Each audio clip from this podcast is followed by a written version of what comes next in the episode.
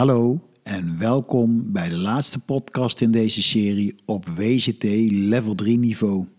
Mijn naam is Jeroen Bronkhorst en deze podcast wordt je aangeboden door de Wijnstudio. Tijdens het examen kun je vaak vier typen vragen onderscheiden. En het eerste type is vragen over de oude wereld. Klassieke wijnregio's Bordeaux, Bourgogne, Rhône, Piemonte of Rijngau. En het tweede type vragen is de nieuwe wereld. Alle wijnregio's buiten Europa. Wat wordt over deze onderwerpen gevraagd? Heel vaak gaat de vraag erover wat de invloed is van het klimaat op de wijnstijl. Oftewel, er is heel vaak een link tussen kennis over wijnregio en wijnstijlen enerzijds en viticultuur en vinificatie anderzijds. In feite is dit heel logisch. Je hebt een bepaalde wijn en een bepaalde stijl en je vraagt je af hoe is dit tot stand gekomen?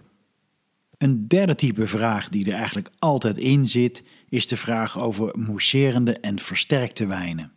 Dat zijn natuurlijk heel technisch gemaakte wijnen, waarbij je heel goed kunt laten zien wat jouw inzicht is in vinificatie. En tenslotte het vierde type vraag is een vergelijking. Dat kan een vergelijking zijn tussen wijnen uit de oude en de nieuwe wereld, of tussen wijnen van één druif met verschillende stijlen.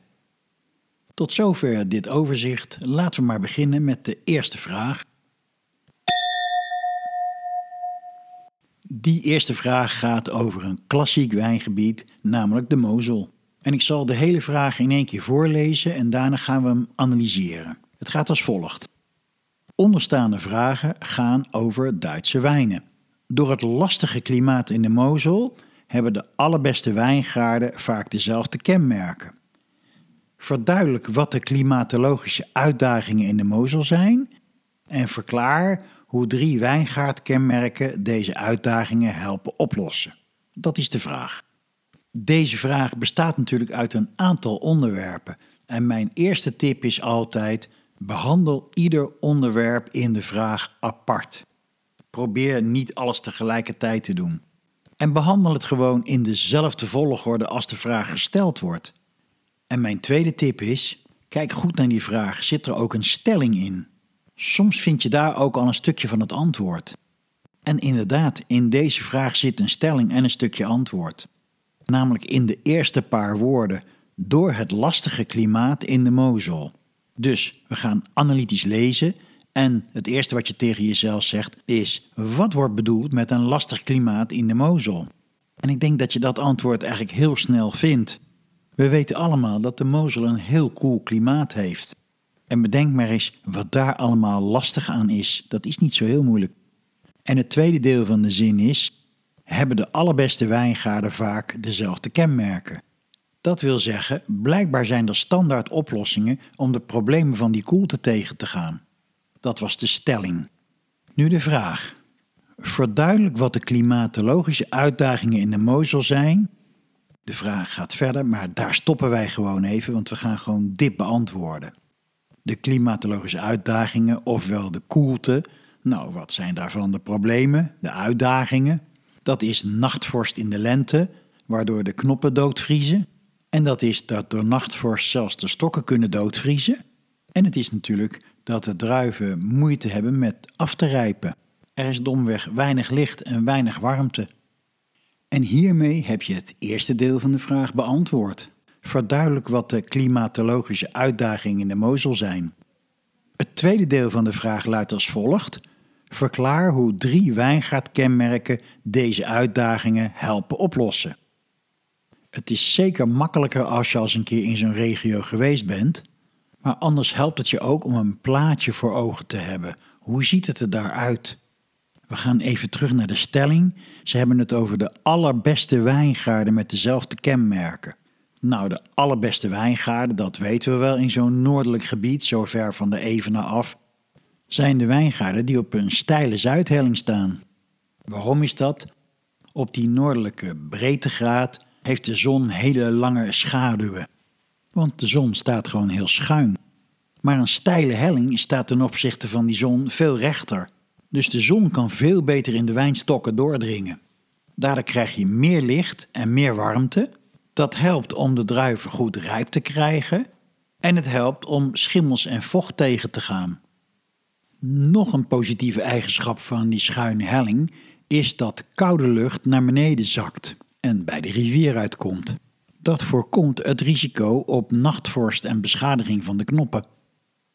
Een tweede wijngaardkenmerk wat een positieve invloed heeft, is de lijsteenbodem. De wijnstokken kunnen door deze gebroken lijsteen meters diep naar beneden wortelen. Bovendien neemt die lijsteen overdag warmte op die die s'avonds weer afgeeft. Ook dat bevordert de rijping van de druif. En het derde positieve wijngaardkenmerk is de ligging aan de Mozel, een grote plas water. Dat water weerkaatst het licht, waardoor er meer licht bij de druiven komt. In de lente warmt het langzamer op dan de lucht, dus het verkoelt eigenlijk nog. En dat voorkomt dat de druiven te vroeg uitlopen. Dat vermindert het risico op bevriezing van de knoppen. En in de herfst blijft het water langer warm, waardoor de lucht dus ook verwarmd wordt. En dat verlengt het groeiseizoen, waardoor de druiven de kans krijgen om goed af te rijpen. En hiermee heb je de hele vraag correct beantwoord. Het klimatologische probleem en de drie oplossingen van de wijngaard. Overigens moet ik erbij vermelden dat door de klimaatverandering deze vraag en dit antwoord wel anders gaat worden. Ik hoop dat dit je een gevoel geeft van hé, hey, het is niet per se heel ingewikkeld of moeilijk, het is gewoon gezond verstand gebruiken. Goed lezen en de vraag stap voor stap beantwoorden. Laten we dan nu doorgaan met de volgende vraag over de nieuwe wereld.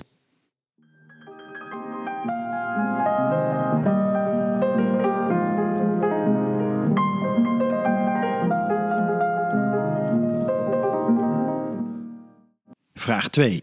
Ik zal hem eerst helemaal voorlezen. De volgende vragen gaan over Californische wijnen. A. Witte Zinfandel wordt getypeerd door fruitigheid, is half zoet met laag alcohol en een licht rosé kleur. Beschrijf in de onderstaande rubrieken welke technieken een wijnmaker kan gebruiken om deze kenmerken in de wijn te krijgen en beschrijf hoe deze technieken werken. We laten ons niet intimideren door die vraag. We gaan gewoon heel goed kijken naar de stelling, stap voor stap. Witte Zinfandel wordt getypeerd door fruitigheid. En dan, hij is half zoet. En dan met laag alcohol en tenslotte en een lichte rosé kleur. Zo, dat zijn vier elementen en nu gaan we kijken welke technieken daarvoor gebruikt zijn. Om te beginnen fruitigheid. Als het goed is, weet je dat om veel fruitigheid te krijgen, heb je een koele vergisting nodig. Dus dat is antwoord nummer 1, vergisting op een lage temperatuur. Dan volgt half zoet en laag alcohol. Ook vrij logisch, denk ik. Voor halfzoete wijn heb je restsuiker nodig. Die verkrijg je door de vergisting wat eerder te stoppen. En dat verklaart ook meteen waarom het alcoholgehalte niet zo hoog is. Je hebt nu een verklaring gegeven, maar WCT wil meestal ook wel zien hoe je dat doet. Dus zegt er achteraan dat de fermentatie gestopt kan worden door extra sulfiet toe te voegen of door sterke koeling of allebei. En vertel dat je daarna natuurlijk de gist moet uitfilteren omdat je anders weer hergisting krijgt. Dan die lichte rosé kleur. Nu kun je dus zeggen er zijn blauwe druiven voor gebruikt en de schillen hebben een korte inweking op het sap gehad.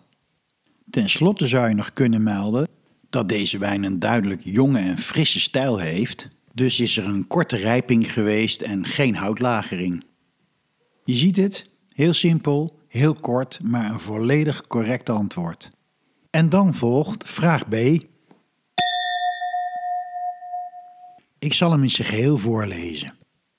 Californië is bekend van haar chardonnays met gemiddeld zuur, volle body en smaken van hazelnoot, boter en vanille. Beschrijf twee technieken die een wijnmaker kan gebruiken om deze stijl te krijgen en verklaar hoe deze technieken werken. Ook hier geldt weer: laat je niet intimideren door de vraag, ga gewoon rustig kijken naar de stelling. Wat kun je daaruit analyseren? De vraag is dus welke techniek een wijnmaker gebruikt om deze stijl wijn te creëren.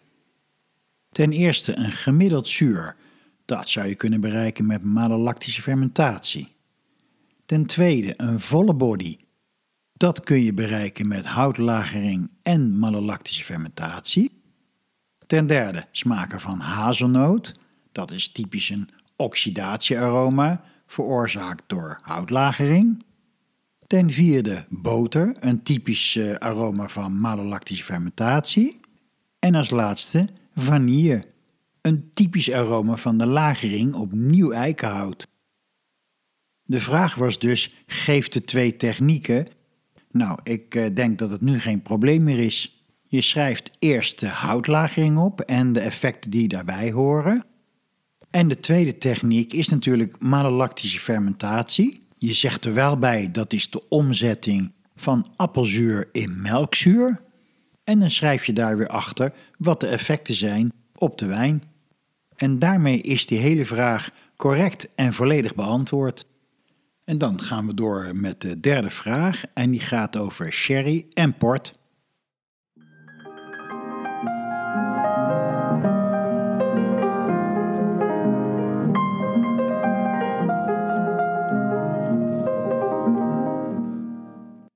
Vraag 3 gaat over Fino Sherry en het begint eerst met een stelling. En die luidt: Fino Sherry is gerijpt onder floor in een Solera systeem. Dan komen de vragen: A. Wat heeft floor nodig om te overleven en gedijen? B. Hoe houdt het Solera systeem deze condities in stand? Je weet nu de gouden regel: altijd de vragen één voor één beantwoorden. Dus we beginnen met de vraag: wat heeft Floor nodig om te overleven en gedijen? Hoewel dit een open vraag is, hoef je eigenlijk niets met elkaar te verbinden. Het is puur een kennisvraag. En het antwoord luidt: Floor heeft voedingsmiddelen en de juiste omstandigheden nodig om te overleven en te gedijen. Voedingsmiddelen zijn zuurstof en een alcoholgehalte tussen de 15 en 15,5 procent en een aantal aanvullende stoffen in de wijn. De juiste omstandigheden zijn een koele tot gemiddelde temperatuur en een hoge luchtvochtigheid. En dat is het antwoord op vraag A. Vraag B. Hoe houdt het Solera-systeem deze condities in stand? Nu ga je gewoon het principe van de Solera beschrijven. Dat kun je op verschillende manieren doen. Ik zou het zo doen. Solera is een systeem van vaten waarin wijnen van diverse jaren constant geblend worden. Enkele malen per jaar wordt sherry uit de onderste vaten getapt waarin de oudste blend zit om verkocht te worden. Die vaten worden bijgevuld met de wijn van het vat daarboven en die weer met de wijn van het vat daarboven enzovoort. Het Solera systeem wordt voortdurend gevoed door het toevoegen van jonge wijn in de bovenste vaten. En deze jonge wijn zorgt voor de toevoer van telkens nieuwe voedingsstoffen. En dan is er nog een vraag C, nog steeds over sherry. Ook die bestaat weer uit een stelling en een vraag. En de stelling luidt: Sommige vino's worden in het solere systeem als Amontillado opgevoed voor verdere rijping. De vraag erachteraan is: wat moet er met deze vino worden gedaan voordat dit kan gebeuren? En wat heeft dit voor invloed op het eindresultaat? Nu wordt er dus ook weer kennis gevraagd over Amontillado, maar ook inzicht. Dus de vraag is: wat moet er met deze fine worden gedaan voordat dit kan gebeuren? En dat is heel simpel. Het antwoord is: de fino is opnieuw versterkt met alcohol tot minimaal 17%. Daardoor kan de floor niet meer groeien en hij zal verdwijnen. En dan het antwoord op de tweede vraag: wat heeft dit voor invloed op het eindresultaat? En het antwoord is: de fino gaat nu verder als Amontillado, dat wil zeggen, de verdere rijping is oxidatief. Hierdoor ontstaan aroma's onder andere van walnoten, leer, toffee en specerijen. En daarmee heb je deze vraag beantwoord. Misschien schrik je toch wel een beetje als je het zo hoort, ik kan me dat voorstellen, want ik vertel het even allemaal vlot achter elkaar. Maar bij elke vraag moet je toch weer in je geheugen graven, hoe zit het ook alweer allemaal? Dat is normaal en daarom zeg ik: lees de vraag en besteed gewoon tijd om erover na te denken. Dat is oké, dat kan. Het schrijven zelf neemt eigenlijk heel weinig tijd in beslag. En daarna gaan we door met een vraag over port. En dat is typisch voor het WGT-examen. Officieel zijn er dus vier vragen, maar deze portvraag hoort nog steeds bij vraag 3 over versterkte wijnen.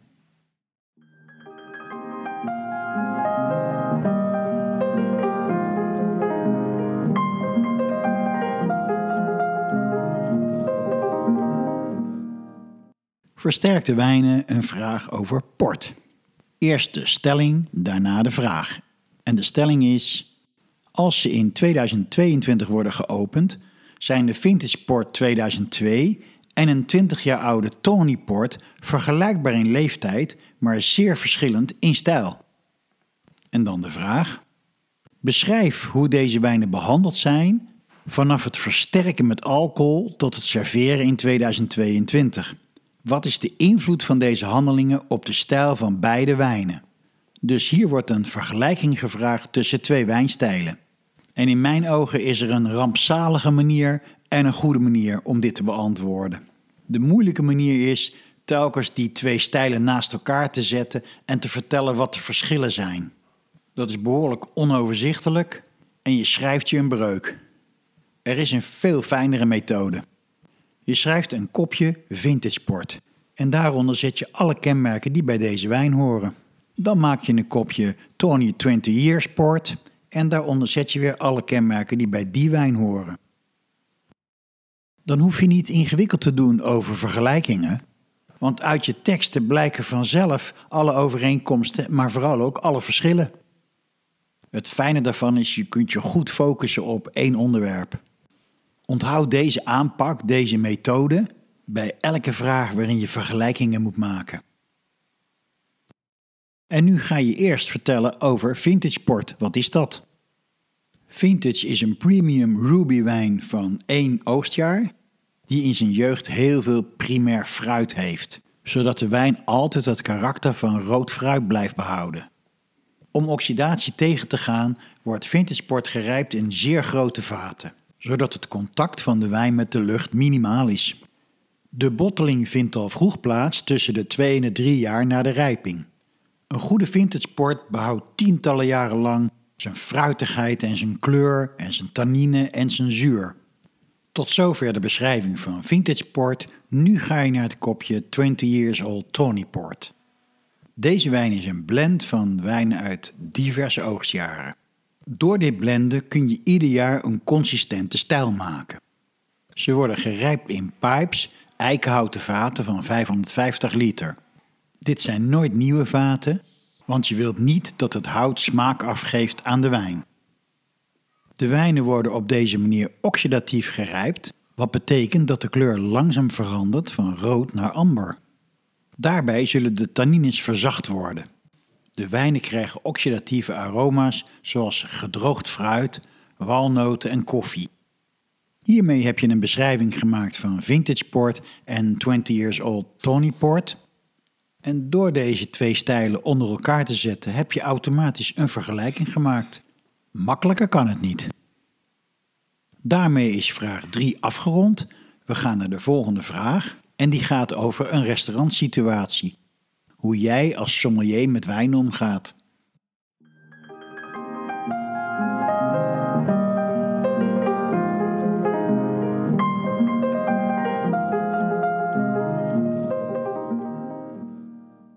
Vraag 4a. Ik zal hem in zijn geheel voorlezen. De volgende vraag behandelt een restaurantscenario. Een restaurant heeft zijn topwijnen in een wijnkelder of klimaatkast. Beschrijf de ideale bewaarcondities en welke condities moeten worden vermeden en waarom. Je weet nu hoe je het aan moet pakken. Eerst de stelling lezen. En dat is: een restaurant heeft zijn topwijnen in een wijnkelder of klimaatkast. En dan de vraag, die meestal uit meerdere delen bestaat, elk deel één voor één behandelen. Beschrijf wat de ideale bewaarcondities zijn. Dit is een pure kennisvraag en het antwoord is: de wijnen moeten bewaard worden op een constante temperatuur tussen de 10 en de 15 graden Celsius. En dan de vraag: welke condities moeten worden vermeden en waarom? En daarop is het antwoord: Je vermijdt grote temperatuurverschillen, met name hitte, en je vermijdt licht en trillingen. Omdat die omstandigheden foute aroma's in de wijn veroorzaken. Als het om een wijn met kurkafsluiting gaat, moet er voldoende vocht zijn, zodat de kurk niet uitdroogt, want dan zal de kurk krimpen en zuurstof doorlaten. Een zeer grote vochtigheid is ook niet geschikt, want dat zal de etiketten aantasten en schimmel veroorzaken. En daarmee is deze vraag beantwoord. En dan komen we toe aan de allerlaatste vraag. En wat mij betreft de meest interessante.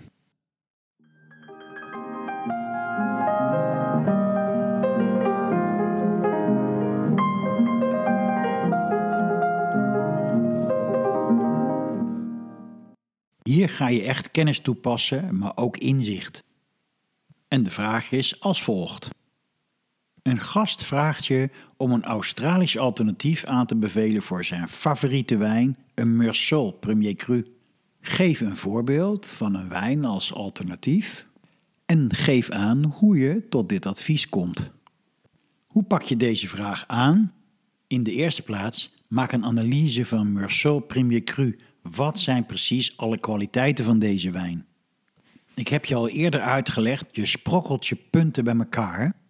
Elk feit wat je nu weet te benoemen wat past bij het antwoord, levert je een punt op. En nu ga je gewoon een heleboel simpele feiten achter elkaar zetten. Let maar op. Meursault is een witte wijn gemaakt van de Chardonnay-druif. Meursault is een wijnregio in de Bourgogne en het heeft een semi-continentaal koel klimaat. Meursault is een premium houtgelagerde wijn. Misschien moet je het nog eens terugluisteren. Elk simpel feit, zoals eh, dat het een witte wijn is gemaakt van Chardonnay, levert je een punt op. En nu ga je naar Australië en je begint de juiste regio te noemen. Dat moet een koele regio zijn. Dus het tweede deel van je antwoord is: ik kies een wijn uit de Yarra Valley. Dankzij de koele winden vanaf de oceaan is dat een koele regio. Daarmee krijgt de Chardonnay niet te veel een tropisch karakter van warme regio's, maar komt hij het meest overeen met een Bourgogne. Toch zal het klimaat altijd nog warmer zijn dan in de Bourgogne, dus er zal iets meer tropisch fruit in deze wijn zitten. Deze wijn zal zeker houtgelagerd zijn, maar in Australië is het houtgebruik vaak wat meer aangezet. Om de wijn meer smaak mee te geven, wordt hij voor de vergisting vaak niet geklarifeerd. En daarmee is deze vraag wel beantwoord. Je merkt wel, het is niet ingewikkeld, maar je moet je basiskennis wel paraat hebben.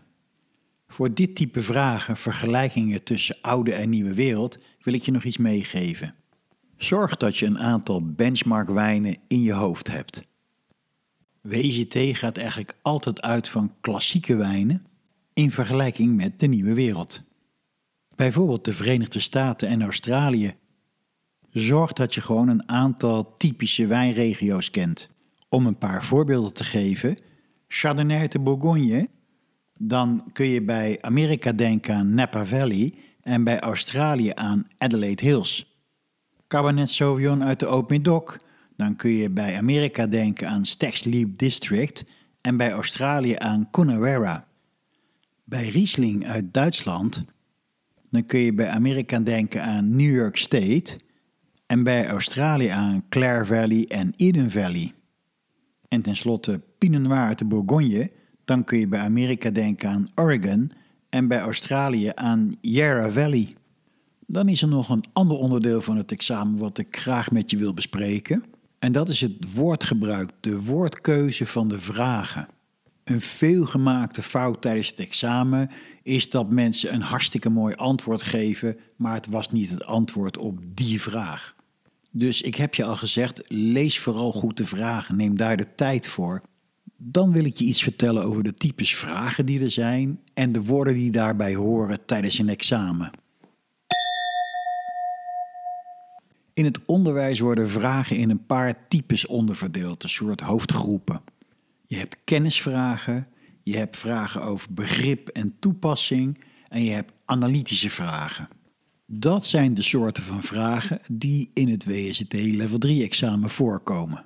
Voor kennisvragen worden bepaalde woorden gebruikt, zoals definieer. Dat is eigenlijk de simpelste vraag. Wat betekent een bepaald woord? Bijvoorbeeld definieer de techniek van persen en dan is het antwoord Persen is het scheiden van het sap en de vaste delen in de jonge wijn. Een ander woord is beschrijf of verduidelijk. Dan worden je karakteristieken of kenmerken gevraagd. Bijvoorbeeld beschrijf het klimaat in de Bordeaux-wijnregio. Dan schrijf je op de Bordeaux-wijnregio heeft een gematigd zeeklimaat, zachte winters en door het hele jaar heen regen. En een andere typische kennisvraag is: geef een voorbeeld. Nou, ik hoef dat niet uit te leggen, denk ik. Dan kom je bij de vragen die gaan over begrip en toepassing. Zoals leg uit hoe het komt dat. Daarbij is je antwoord altijd juist wat uitgebreider dan alleen maar kennis. Er kan bijvoorbeeld gevraagd worden: hoe komt de stijl van deze halfzoete wijn tot stand? En dan moet je zelf gaan bedenken wat zou de oorzaak kunnen zijn. En het antwoord zou kunnen zijn: de fermentatie is vroegtijdig onderbroken, zodat er restsuiker in de wijn overblijft. En dan is er nog een laatste groep van begrippen en dat is de analyse, oftewel de vergelijking. En dat heb ik je al eerder uitgelegd. Maak twee aparte lijstjes. Schrijf alle kenmerken van het een in één blokje en schrijf alle kenmerken van het ander in het volgende blokje dan heb je automatisch een vergelijking met verschillen en overeenkomsten. Om nog eens een voorbeeld te geven. Ik heb in de WCT Level 3 examens regelmatig de vraag gezien waarin je een vergelijking moet maken tussen ijswijn of ijswijn en een botrytiswijn. Deze vraag handelt eigenlijk over stijlverschil. Kun je laten zien dat ze op een andere manier gemaakt zijn en dat ze daardoor een totaal andere wijn voortbrengen? Indien de wijnvoorbeelden niet genoemd zijn, noem je dat. Dus bijvoorbeeld voor botrytis is dat Sautern of uh. En dan zou ik gewoon vertellen wat er op het land gebeurt. Eerst leg je natuurlijk uit wat botrytis is, een schimmel, en wat die doet. Gaatjes in de druif boren, waardoor het water verdampt en alles zich concentreert. De aroma's, de zuren en de suikers. Voor een botrytiswijn laat je de gezonde druiven hangen en pluk je alleen de zwaar aangetaste druiven. Dus er zijn altijd meerdere gangen tijdens de pluk nodig. In de aroma's vind je honing en marmelade en de structuur is wilderig en stroperig. Dan ga je naar de ijswijn of icewine. Die druiven worden ook zeer laat geplukt tijdens strenge vorst. Die vorst heeft de wijnen ingedroogd waardoor er ook concentratie ontstaat van aroma's en structuur, zuur en suiker. Bij ijswijn pluk je uitsluitend de gezonde druiven en eventueel aangetaste druiven haal je later tussenuit op de sorteertafel. Kenmerkend aan ijswijn is dat ze heel schoon en heel zuiver zijn en dat ze heel goed het karakter van het druivenras laten zien. Er is natuurlijk nog veel meer over te zeggen, maar als je dit opschrijft en je leest het terug, dan zul je zien dat je een keurig overzicht gemaakt hebt van botrytiswijnen tegenover ijswijn, de overeenkomsten en de verschillen. Er is altijd maar weinig ruimte op je examenpapier voor je antwoorden. Wat je dus het beste kunt doen, is de vraag goed lezen en even goed nadenken over je antwoord voordat je begint te schrijven. Zie jezelf als de docent en het papier als de cursist. Of ook wel, zie jezelf als de sommelier en het papier als de gast aan tafel. Het beantwoorden van de open vragen is het moeilijkste onderdeel van het examen. Mijn advies voor die laatste paar weken voor het examen is: ga niet alleen maar leren, maar ga vooral oefenen in het beantwoorden van open vragen. Je hebt de technieken hiermee meegekregen, doe er je voordeel mee. En daarmee zijn we aan het eind gekomen van deze podcastserie. De hele WCT Level 3 opleiding is hiermee behandeld. Ik wens je straks heel veel succes met het examen. En vergeet vooral niet, je doet deze opleiding omdat je het interessant vindt en omdat het leuk is om over wijn te leren. Ik kan je de WCT Level 4 opleiding Diploma Course van harte aanbevelen. Het is pittig, maar super interessant. En we hebben een hele mooie samenwerking met de Oostenrijkse Wijnacademie. En als je het leuk vindt om podcasts te beluisteren, er is nog een serie Level 4 over versterkte wijnen, sherry, port en madeira en champagne, die veel dieper op het onderwerp ingaan dan nu op level 3 niveau. Er is nog een podcast over wijn en spijs.